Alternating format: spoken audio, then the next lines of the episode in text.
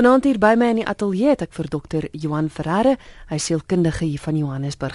Goeienaand Johan. Naand seker stel.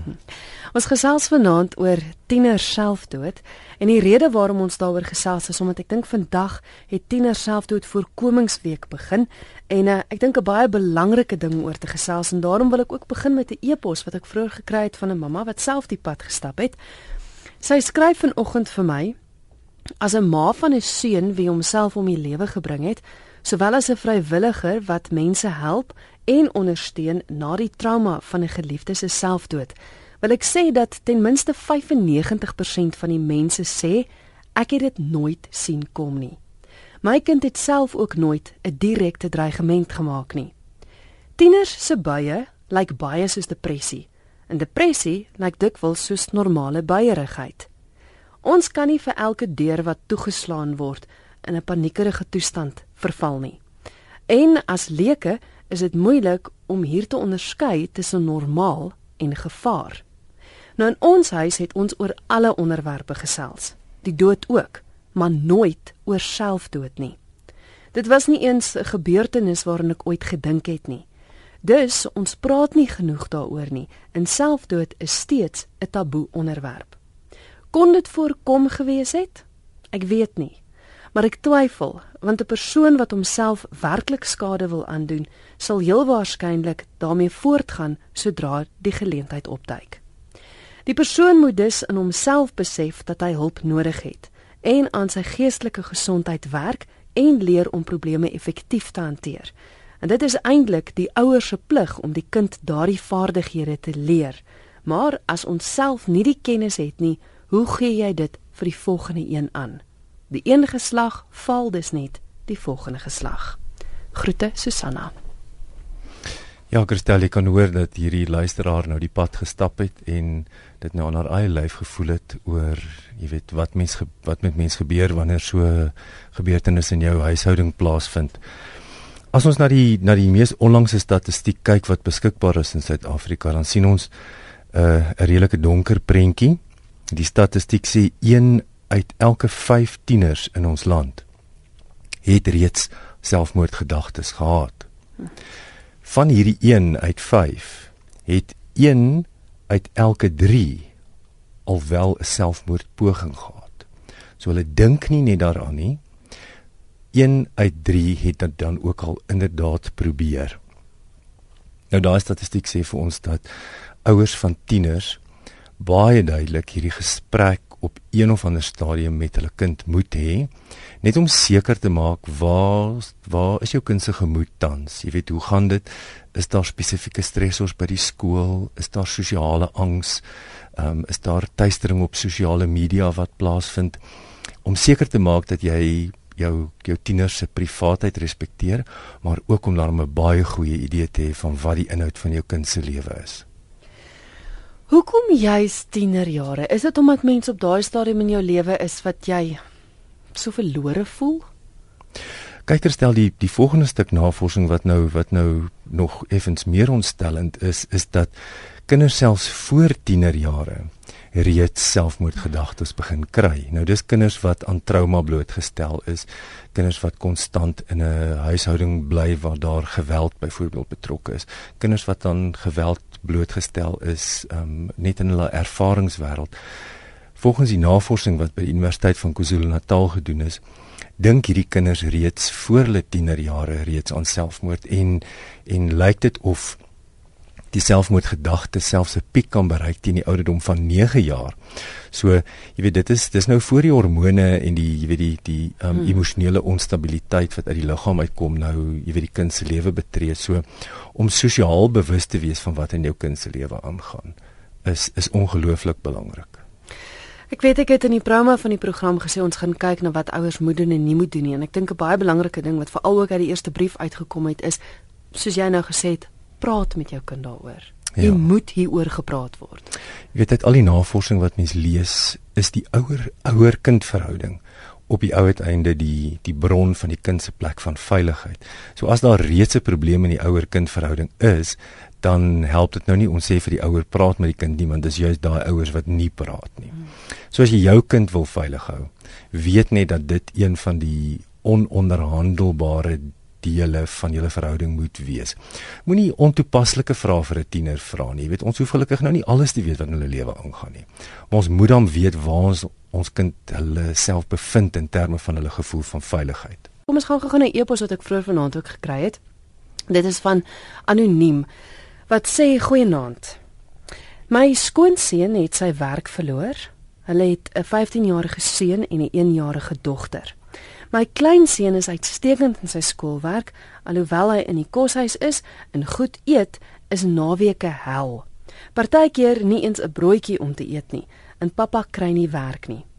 Sondag kom hy en vra my ouma, "Wat is die nut om te lewe? Niemand wil help nie." En ek kan nie meer sien hoe sy hoe hoe swaar my mamma en my sussie kry nie. Ek het nie vir hom raad nie, ek het nie 'n antwoord gehad nie, want ek worstel met dieselfde vraag. Hier waar ek die brief skryf, is ek stikkend. Want as ek selfmoord pleeg, is daar 'n klein bedragie wat hulle kry. Ehm um, en ek wonder of dit nie sal keer dat hy sy eie lewe neem nie. Ek is so bang, ek het al aan al die opsies gedink om dit te doen, maar ek is ook bang sy pappa breek en hy wis die hele gesin uit. Ek het geen inkomste nie en bly by hulle. Hoe kan ek my kleinseun help as ek nie 'n antwoord het nie? Vrydag kom hy weer huis toe na 'n moederlose mamma en 'n pappa toe wat hy so liefhet, maar hy beleef die pyn elke naweek. Is die oplossing nie maar die dood nie, want daar is geen hulp nie. Ons het al die kerk genader gevra vir hulp, maar ons is by die afgrond. Dis 'n gebroke ouma wat die epos ingestuur het. Ja, jy kan hoor dat daar 'n redelike put van desperaatheid is. Ehm um, in in ter waarheid, jy weet as die ouma so voel, dan moet ons tog sekerlik aanneem dat 'n deel daarvan haar realiteit is. Die die dood is natuurlik nou 'n oplossing, jy weet vir die persoon wat sterf. Vir die wat agterbly, is dit nooit 'n oplossing nie. So as jy daaraan wil dink dat jy mense se lewens beter wil maak, deur jou eie dood te orkestreer, dan moet jy tog nou realisties wees en besef dit gaan nie noodwendig so wees nie. Dit sou veel eerder vir haar help as sy op een of ander manier kon, jy weet, 'n koneksie vind met hierdie kind en met hom deur die proses werk vir hom verduidelik dat sekere seisoene in ons lewe hou langer aan as wat ons gedink het dit sou aanhou, maar om, jy weet, aan die beëindiging van ons lewe te dink, dit gaan werklik nie 'n oplossing vir hom of vir haar bied nie. Ons het nou gesê ons gaan kyk na tekens en ek weet in die eerste brief ook het het die mamma dit so so duidelik gesê dat depressie eh, kan so maklik gesien word as net gewone tiener gedrag. En sê toe mooi gestel elke keer as jy in die deur toe klap, moet jy nou nie in paniek angs. Maar wat is van die tekens waarna mens moet uitkyk? Eh, is daar dinge wat wat as jy dit sien, moet jy dink, "Oei, wag. Kom kom ons vind uit of daar nie dalk 'n probleem is nie." Ja, weet jy, as ons na die um, statistiek kyk weer eens, ekskuus tog, ehm um, sien ons dat dat tieners wat al van tevore 'n selfmoordpoging gehad het, so daar's 'n duidelike teken, hulle is gewoonlik baie kwesbaar. As daar byvoorbeeld geskiedenis van depressie in jou familie is, dan moet jy maar by voorbate oog uithou vir wat met jou kind se emosies gebeur tydens die tienerjare, want dit is maar 'n tyd van hormonale onstabiliteit en dan baie keer is die by ook onstabiel.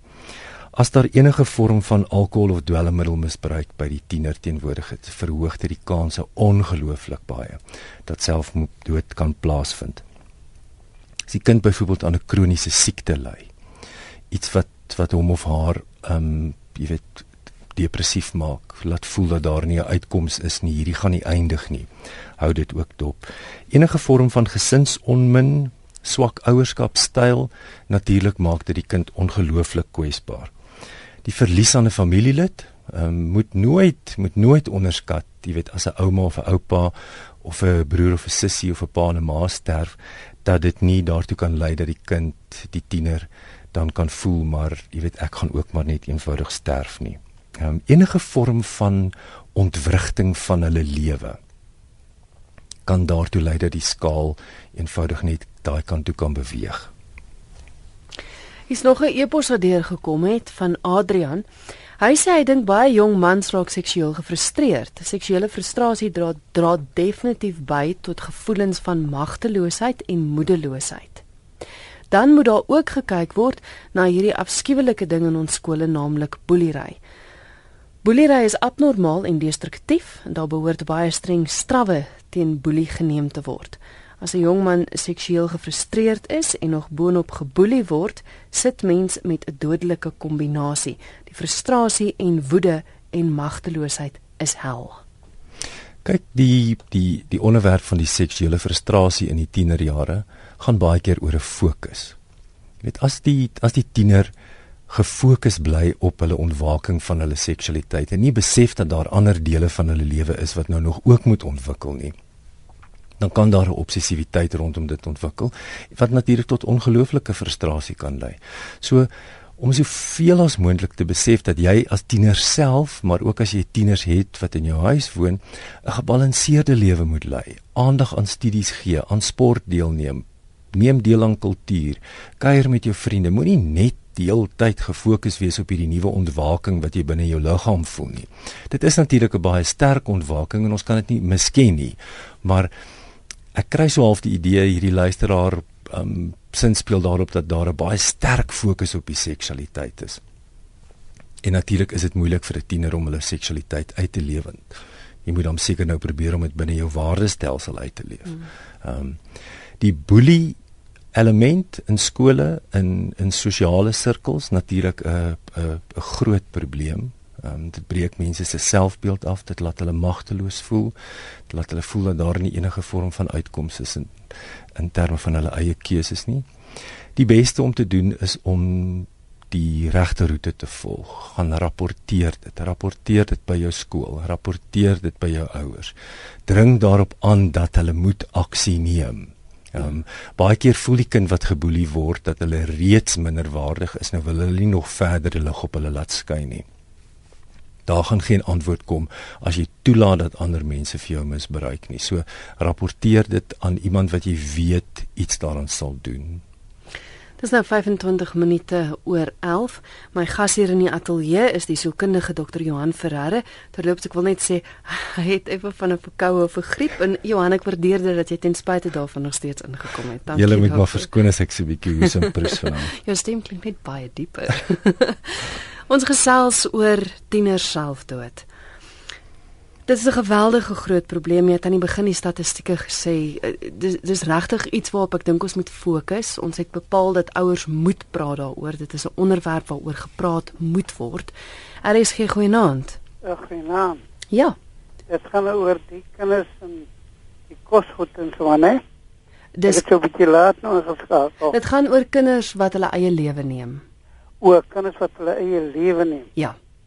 Ehm um, nou das natuurlik ehm um, eh uh, uh, uh, uh, klomp uh, faktore wat daartoe lei. En een van die goed wat ek nou gehoor het, jy weet nou wat ingeskakel het. Dat jy weet uh, kos en iets meer. Ek het ook nou die oggend geluister en nou of was dit vanoggend van hoe kinders wegloop en wegraak en meer. Hm. En ehm um, daar is dit is so 'n simplistiese ding as wat sommige mense deurgee nie. Ehm um, dis 'n ding wat wat wat wat 'n aanloop het. En baie keer verstaan ons die groot mense nie wat in die denkwêreld van daai kinders aangaan nie. En ek dink ons leef nog in 'n era waar ons as groot mense ons denke en ons sieninge op ons kinders wil afdwing. En ek dink die tyd het lankal aangebreek dat ons die kinders 'n kans gee om ook te sê hoe hulle voel om in te kom in hulle denkwêreld. En ek weet ons almal is opgewasse daarvoor. He. Ons is opgelei nie, maar net om te luister. En en te kyk na wat gaan aan in ons kinders se lewe. Hmm. Wat is die abnormale? Wat is die normale? En en en en, en 'n bietjie te kyk na hoeveel aandag spandeer ons aan ons kinders? Hoeveel tyd spandeer ons aan ons kinders? Ek weet ons is in 'n ander era. Kom ons neem net 'n voorbeeld en ek vat myself. Ehm um, dat ek verstaan nie wat my kinders op skool nou doen nie. of my kleinkind. Maar nou worstel hulle met goed wat ek gedoen het toe ek in kom ek wat maar praat die ou taal van 3 was. Mm. Maar nou sit die ouens met die goed toe ek in Sanne 7 was. Nou sit hulle met Sanne 7 so goed nou hier so in Sanne 3. Ja. En en en en en daai goed word te veel vir ons kinders.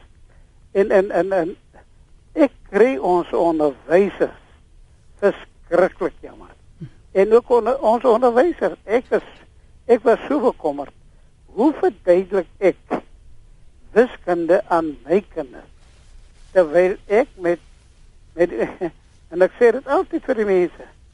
Hier sit ons met met komputers en met dit en laptops, maar waar is die grafie en die lei? Ja.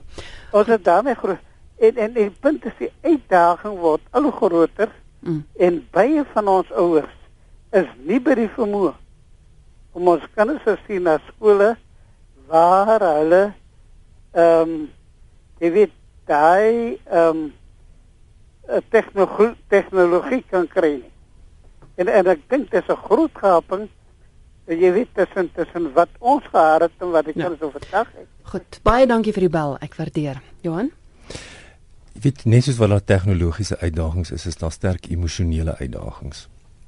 Van een generasie na volgende generasie is daar is daar jy weet nuwe um emosionele uitdagings wat by by kinders wat nou tieners is teenwoordig is wat definitief nie jy weet in die lewe van hulle ouers was nie.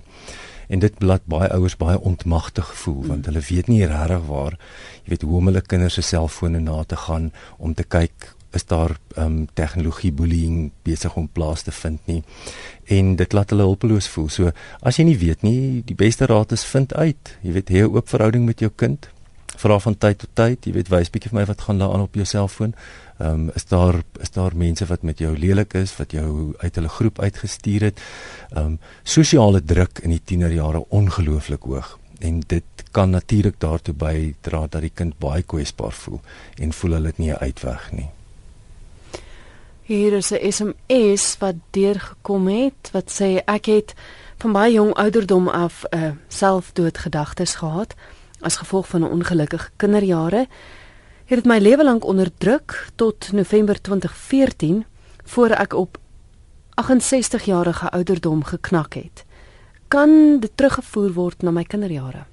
Natuurlik kan dit. As jy 'n natuurlike aanvoeling het dat jou ongelukkige kinderjare deurlopende rol in jou lewe gespeel het en dat dit iets was wat jy nou al vir al hierdie jare moes onderdruk, dan wil ek jou so sterk aanmoedig om om daarmee te gaan vrede maak. Jy weet, gaan gesels met iemand, gaan praat met jou predikant, gaan praat met 'n sielkundige of 'n beraader. Jy weet, probeer om van daai konflik op te los. Dis nie iets wat jy mee jou, jou hele lewe hoef saam te dra nie, definitief nie. Hier is iemand wat vra of die televisie net die kern van die probleem is nie. Dis Chris Nel. Kyk, ek sou graag wou hierdie televisie met die kern van meeste van ons probleme wees want dit waarin ons blootgestel word veral dat waaraan kinders en tieners blootgestel word op TV is natuurlik 'n 'n gruwel. Um, hulle hulle kan enigiets kyk veral as daar nie ouers is wat wat toesig hou of waarna hulle kyk nie. En dan is gewelddadige gedrag um so deurlopend op televisie dat jy weet kinders word daardeur getraumatiseer of dit nou noodwendig daartoe sal lei dat dat iemand nou jy weet um klinies depressief kan raak en daarom uiteindelik selfdood sal oorweeg dit sal mense maar in die navorsing moet gaan probeer opspoor maar as ouers moet ons natuurlik kyk waar ons ons kinders jy weet blootstel. Jy weet al is hulle tieners um moenie net grensloosheid toepas nie. Dit dit is natuurlik 'n swak ouerskapstyl.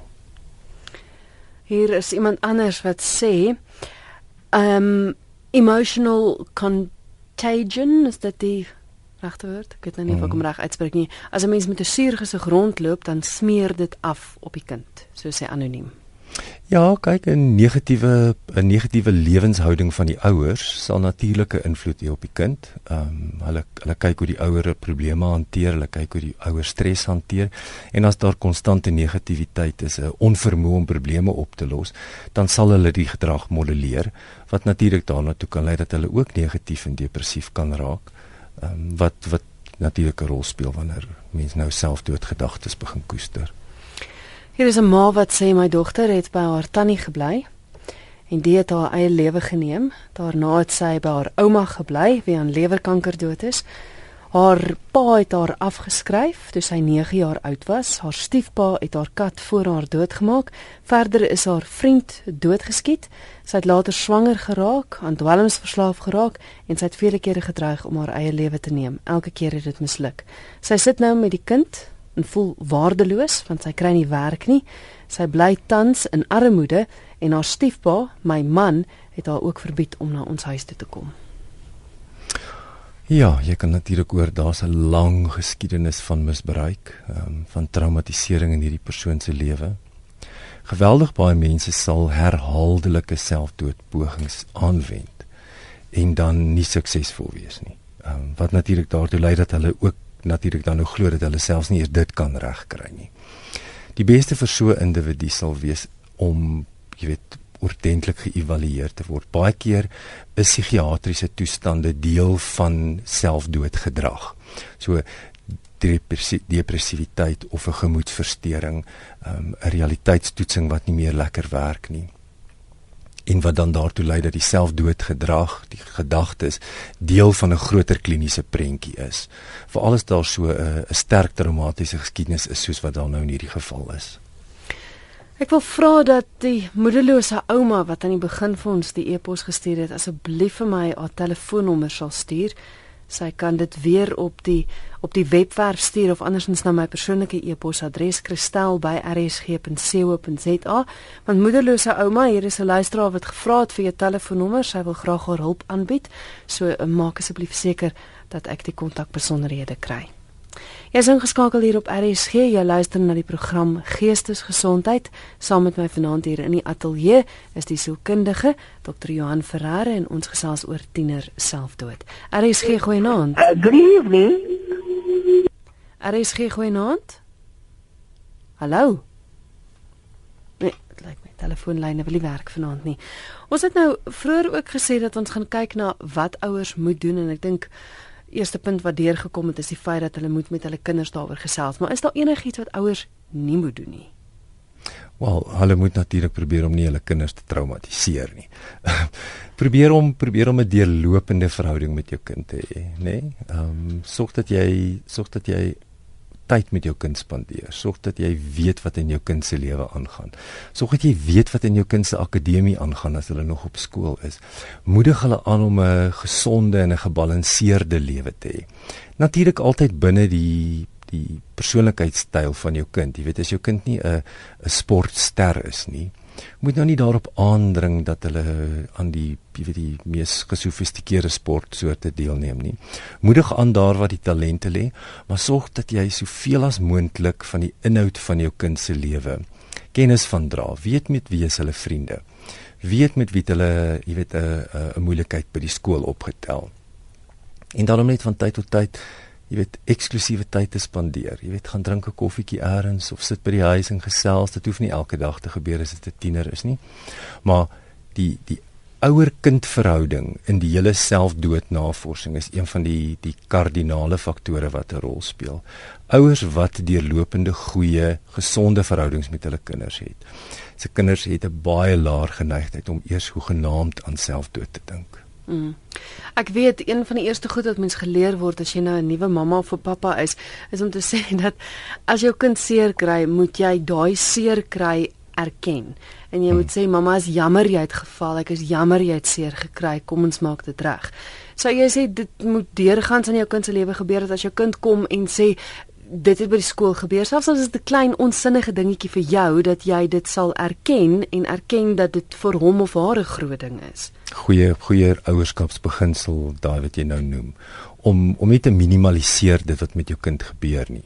So vir jou as volwassene wat wat nou lewensvaardighede het, klink dit dalk na iets, mm. jy weet, onbenulligs. Ehm um, dit is dit hoef nie vir jou emosioneel ontstellend te wees wat met jou kind gebeur het nie. So probeer om die tyd te neem al is jy nou moeg, al het jy nou 'n lang dag gehad, om dalk net te sit en die storie behoorlik deur te luister. Nie dadelik 'n antwoord te hê nie, nie dadelik 'n 5-punt plan te hê oor hoe ons dit gaan oplos nie. Dalk maar net eers net te luister, maar hoekom het dit jou so ontstel? Ehm um, wat het gebeur? Het dit jy weet, ehm um, is dit iets wat per herhaling voorkom? Hoekom hoekom is jy so ontstel hieroor? En baie keer bloot net te luister help die kind om te verstaan dat dit dalk moontlik nie so intens was nie of dat jy dalk die kind dan van sal moet bystaan in daai in die die gebeurtenis. Hmm. Koos sê 5 minute oogkontak per dag is lewensnoodsaaklik.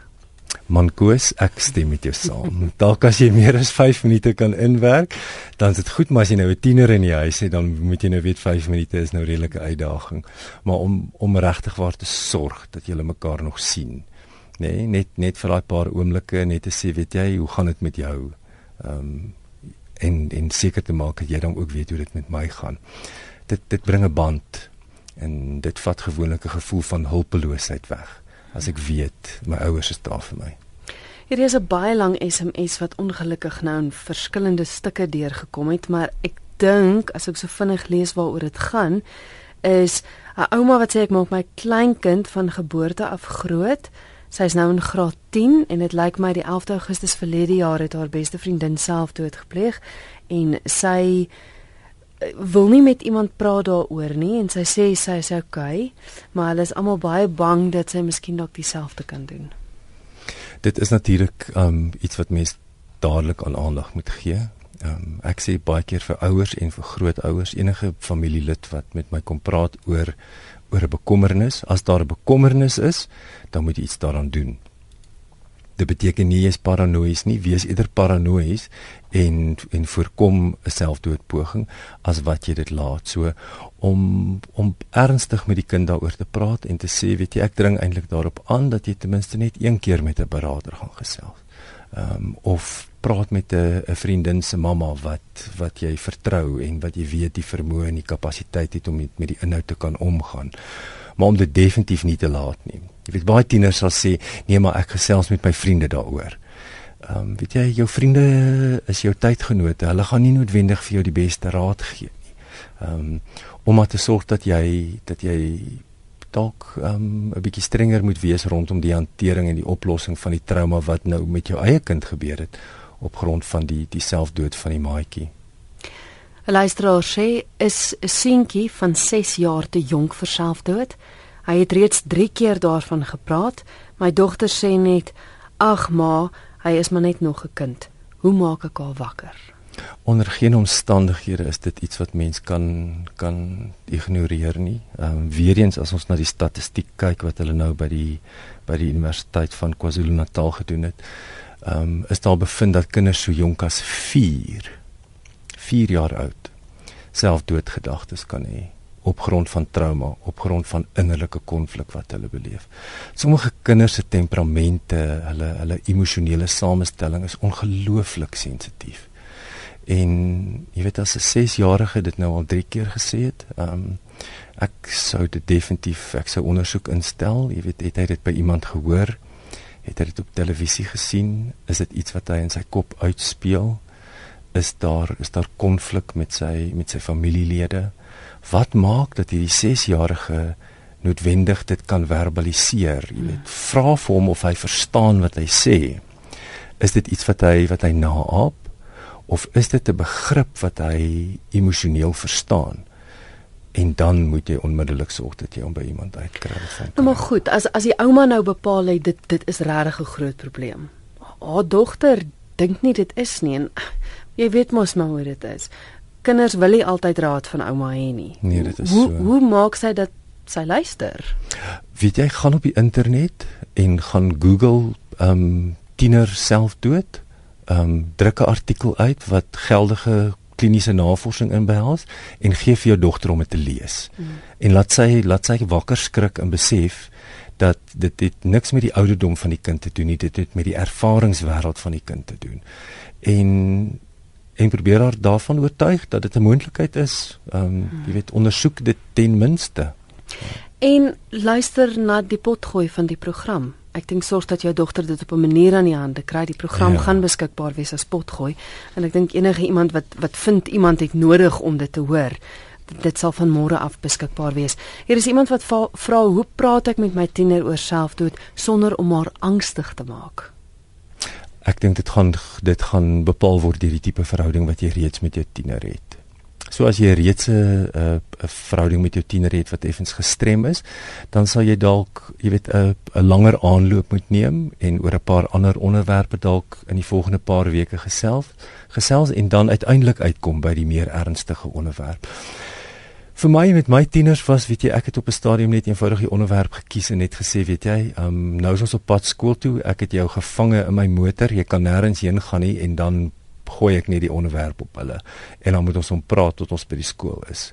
Ehm um, en as hulle dan nou net moet luister vir die eerste gesprek, dan moet hulle nou maar luister. Maar probeer om vir hulle geldige inligting deur te gee en net te sê, weet jy, hierdie is iets wat my bekommer. Dit is nie noodwendig omdat ek dink dat dit deel van jou lewe is nie, maar as die gedagte ooit opkom, sou ek so graag wou hê dat jy eers dit vir my moet kom sê en dat ons saam daaroor kan praat. So dit is 'n onderwerp wat in my opinie met alle tieners gepraat moet word op een of ander stadium. Dankie, bekommerde ouma, ek het jou selfoonnommer gekry en ek sal dit deurgee. Hier is 'n uh, e-pos wat deurgekom het van Jakobus. Hy sê ek wil net sê ek het twee seuns, is nog klein en ek werk nagskof.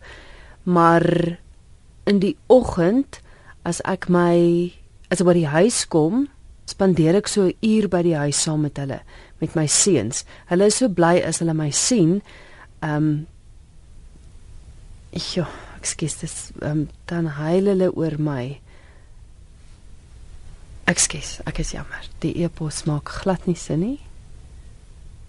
Ek dink dit kom daarop neer dat hy wil weet of die tyd saam met sy kinders baie belangrik is.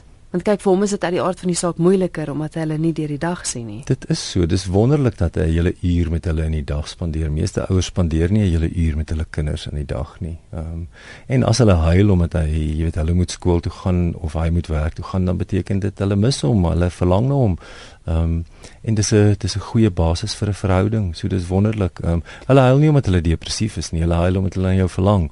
Ehm um, klink dit vir my. Ja, kan mens sê dit gaan hier oor oor kwantiteit tyd en nie nee, kwaliteit wat?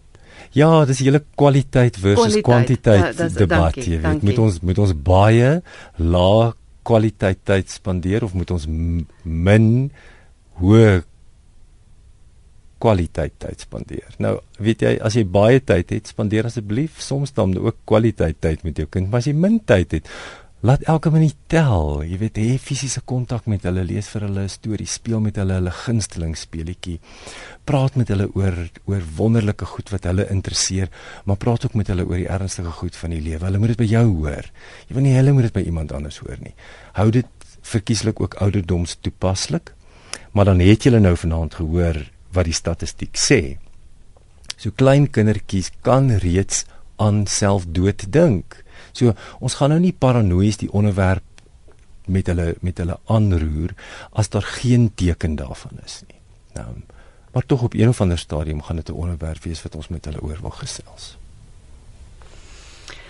Ja, luister na Geestesgesondheid, die program wat vanaand handel oor tieners selfdood. My gas hier in die ateljee is dokter Johan Ferreira, sielkundige hier van Johannesburg. Ek wil hê ons moet gou-gou tyd uitgehardloop, maar jy weet nou al hierdie goed. Jy weet jy moet met jou kind praat en volgens jou het jy alles in jou vermoë gedoen. Maar hmm. wat nou as jou kind wel slaag daarin om sy of haar eie lewe te neem? Wat dan, Johan? Dan is dit 'n ongelooflike groot krisis in jou lewe. Jou hele lewe gaan verander. Jou lewe sal nooit weer dieselfde wees nie. Jy sal uit die aard van die saak met skuldgevoelens leef. Ehm, jy sal wonder of daar iets is wat jy daarin kon doen. En dan moet jy die aard van die saak deur jou trauma werk, deur jou verlies werk. Jy sal jouself genoeg tyd moet gee om in 'n rouproses in te gaan, om te probeer verstaan wat gebeur het. Die dilemma met selfdood is is dat daar in meer gevalle as nie nie antwoorde is nie. Ons verstaan nie hoekom het hulle dit gedoen nie. Ehm um, hulle los nie noodwendig vir ons 'n boodskap nie. En dan moet jy self die antwoorde gaan vind en dit gaan jy vind deur in 'n rouproses te gaan deur met iemand te gaan praat wat jy vertrou wat die wat die proses geldig met jou kan klaarmaak en om te besef dis nie iets wat in 2 weke gebeur of in 2 maande gebeur nie. Dis 'n dis 'n lang termyn rouproses van verstaan en jy gaan deur al die fases van rou moet gaan gaan kwaad wees, jy gaan selfdepressief raak, jy gaan in ontkenning gaan, gaan jy net niks voel nie en dit sal aanhou herhaal totdat jy uiteindelik vrede daarmee gemaak het. Hm. Moeilike pad om te stap, maar soos ons vroeër die eerste brief wat ek ook gelees het, 'n pad wat sy's nou 'n vrywilliger wat ouers help vir dieselfde pad ja. stap en en en dis 'n pad wat elkeen op sy eie stap. Dit is so en baie mense kies dan om daai negatiewe gebeurtenis, jy weet, 'n 'n teë-aansluiting in hulle eie lewe te maak en 'n ander pad vir hulle self te kies. Hmm. Ek gaan afsluit met met 'n e-pos van Adrian wat sê die media speel ook 'n rol by die kweek van onrealistiese verwagtinge by jong mense. Daai beeld van die perfekte ou en meisie wat mekaar toevallig raakloop in die winkelsentrum. Dinge soos daai gebeur nie in die regte lewe nie. En hy sê die media het baie groot invloed. Kyk, dit is so en ek dink dis nou weer eens, jy weet ek wil nou nie soos 'n plaat klink wat vasgehaak het nie. Nie dat die tieners sal weet wat 'n plaat is nie. Wel hulle leer nou weer wat 'n plaat is. Ehm um, jou verhouding met ouer moet jou met jou realiteit balanseer. So as jy 'n onrealistiese verwagting het, dan is dit die werk van die ouer om te sê, weet jy, weet jy in die regte lewe werk dit 'n bietjie anders. Jy weet daar is nie perfek bestaan nie. Ehm um, mm. idealisties dit bestaan nie. Ehm um, dis goed om wonderlike doelwitte te hê om te wil goed doen in die lewe. Maar om enigiets wat perfek is na te streef gaan vir jou net na teleurstelling toelei. So ouer-kind verhouding tog maar die belangrikste. Ja, sê SMS wat sê drie dinge is belangrik: samesyn, fisiese kontak en kommunikasie. Ja, toe ek kan nie beter stel nie. Dis waarop dit neerkom. As mense hulp sou wou hê, kan hulle jou kontak? Hulle kan vir my e-pos stuur by johanf@mosaik.com. En ek dink om af te sluit vanaand die belangrikste is weet wat in jou kind se lewe aangaan. Soveel as wat ouderdoms toepaslik is, maak 'n poging om te weet wat die inhoud is.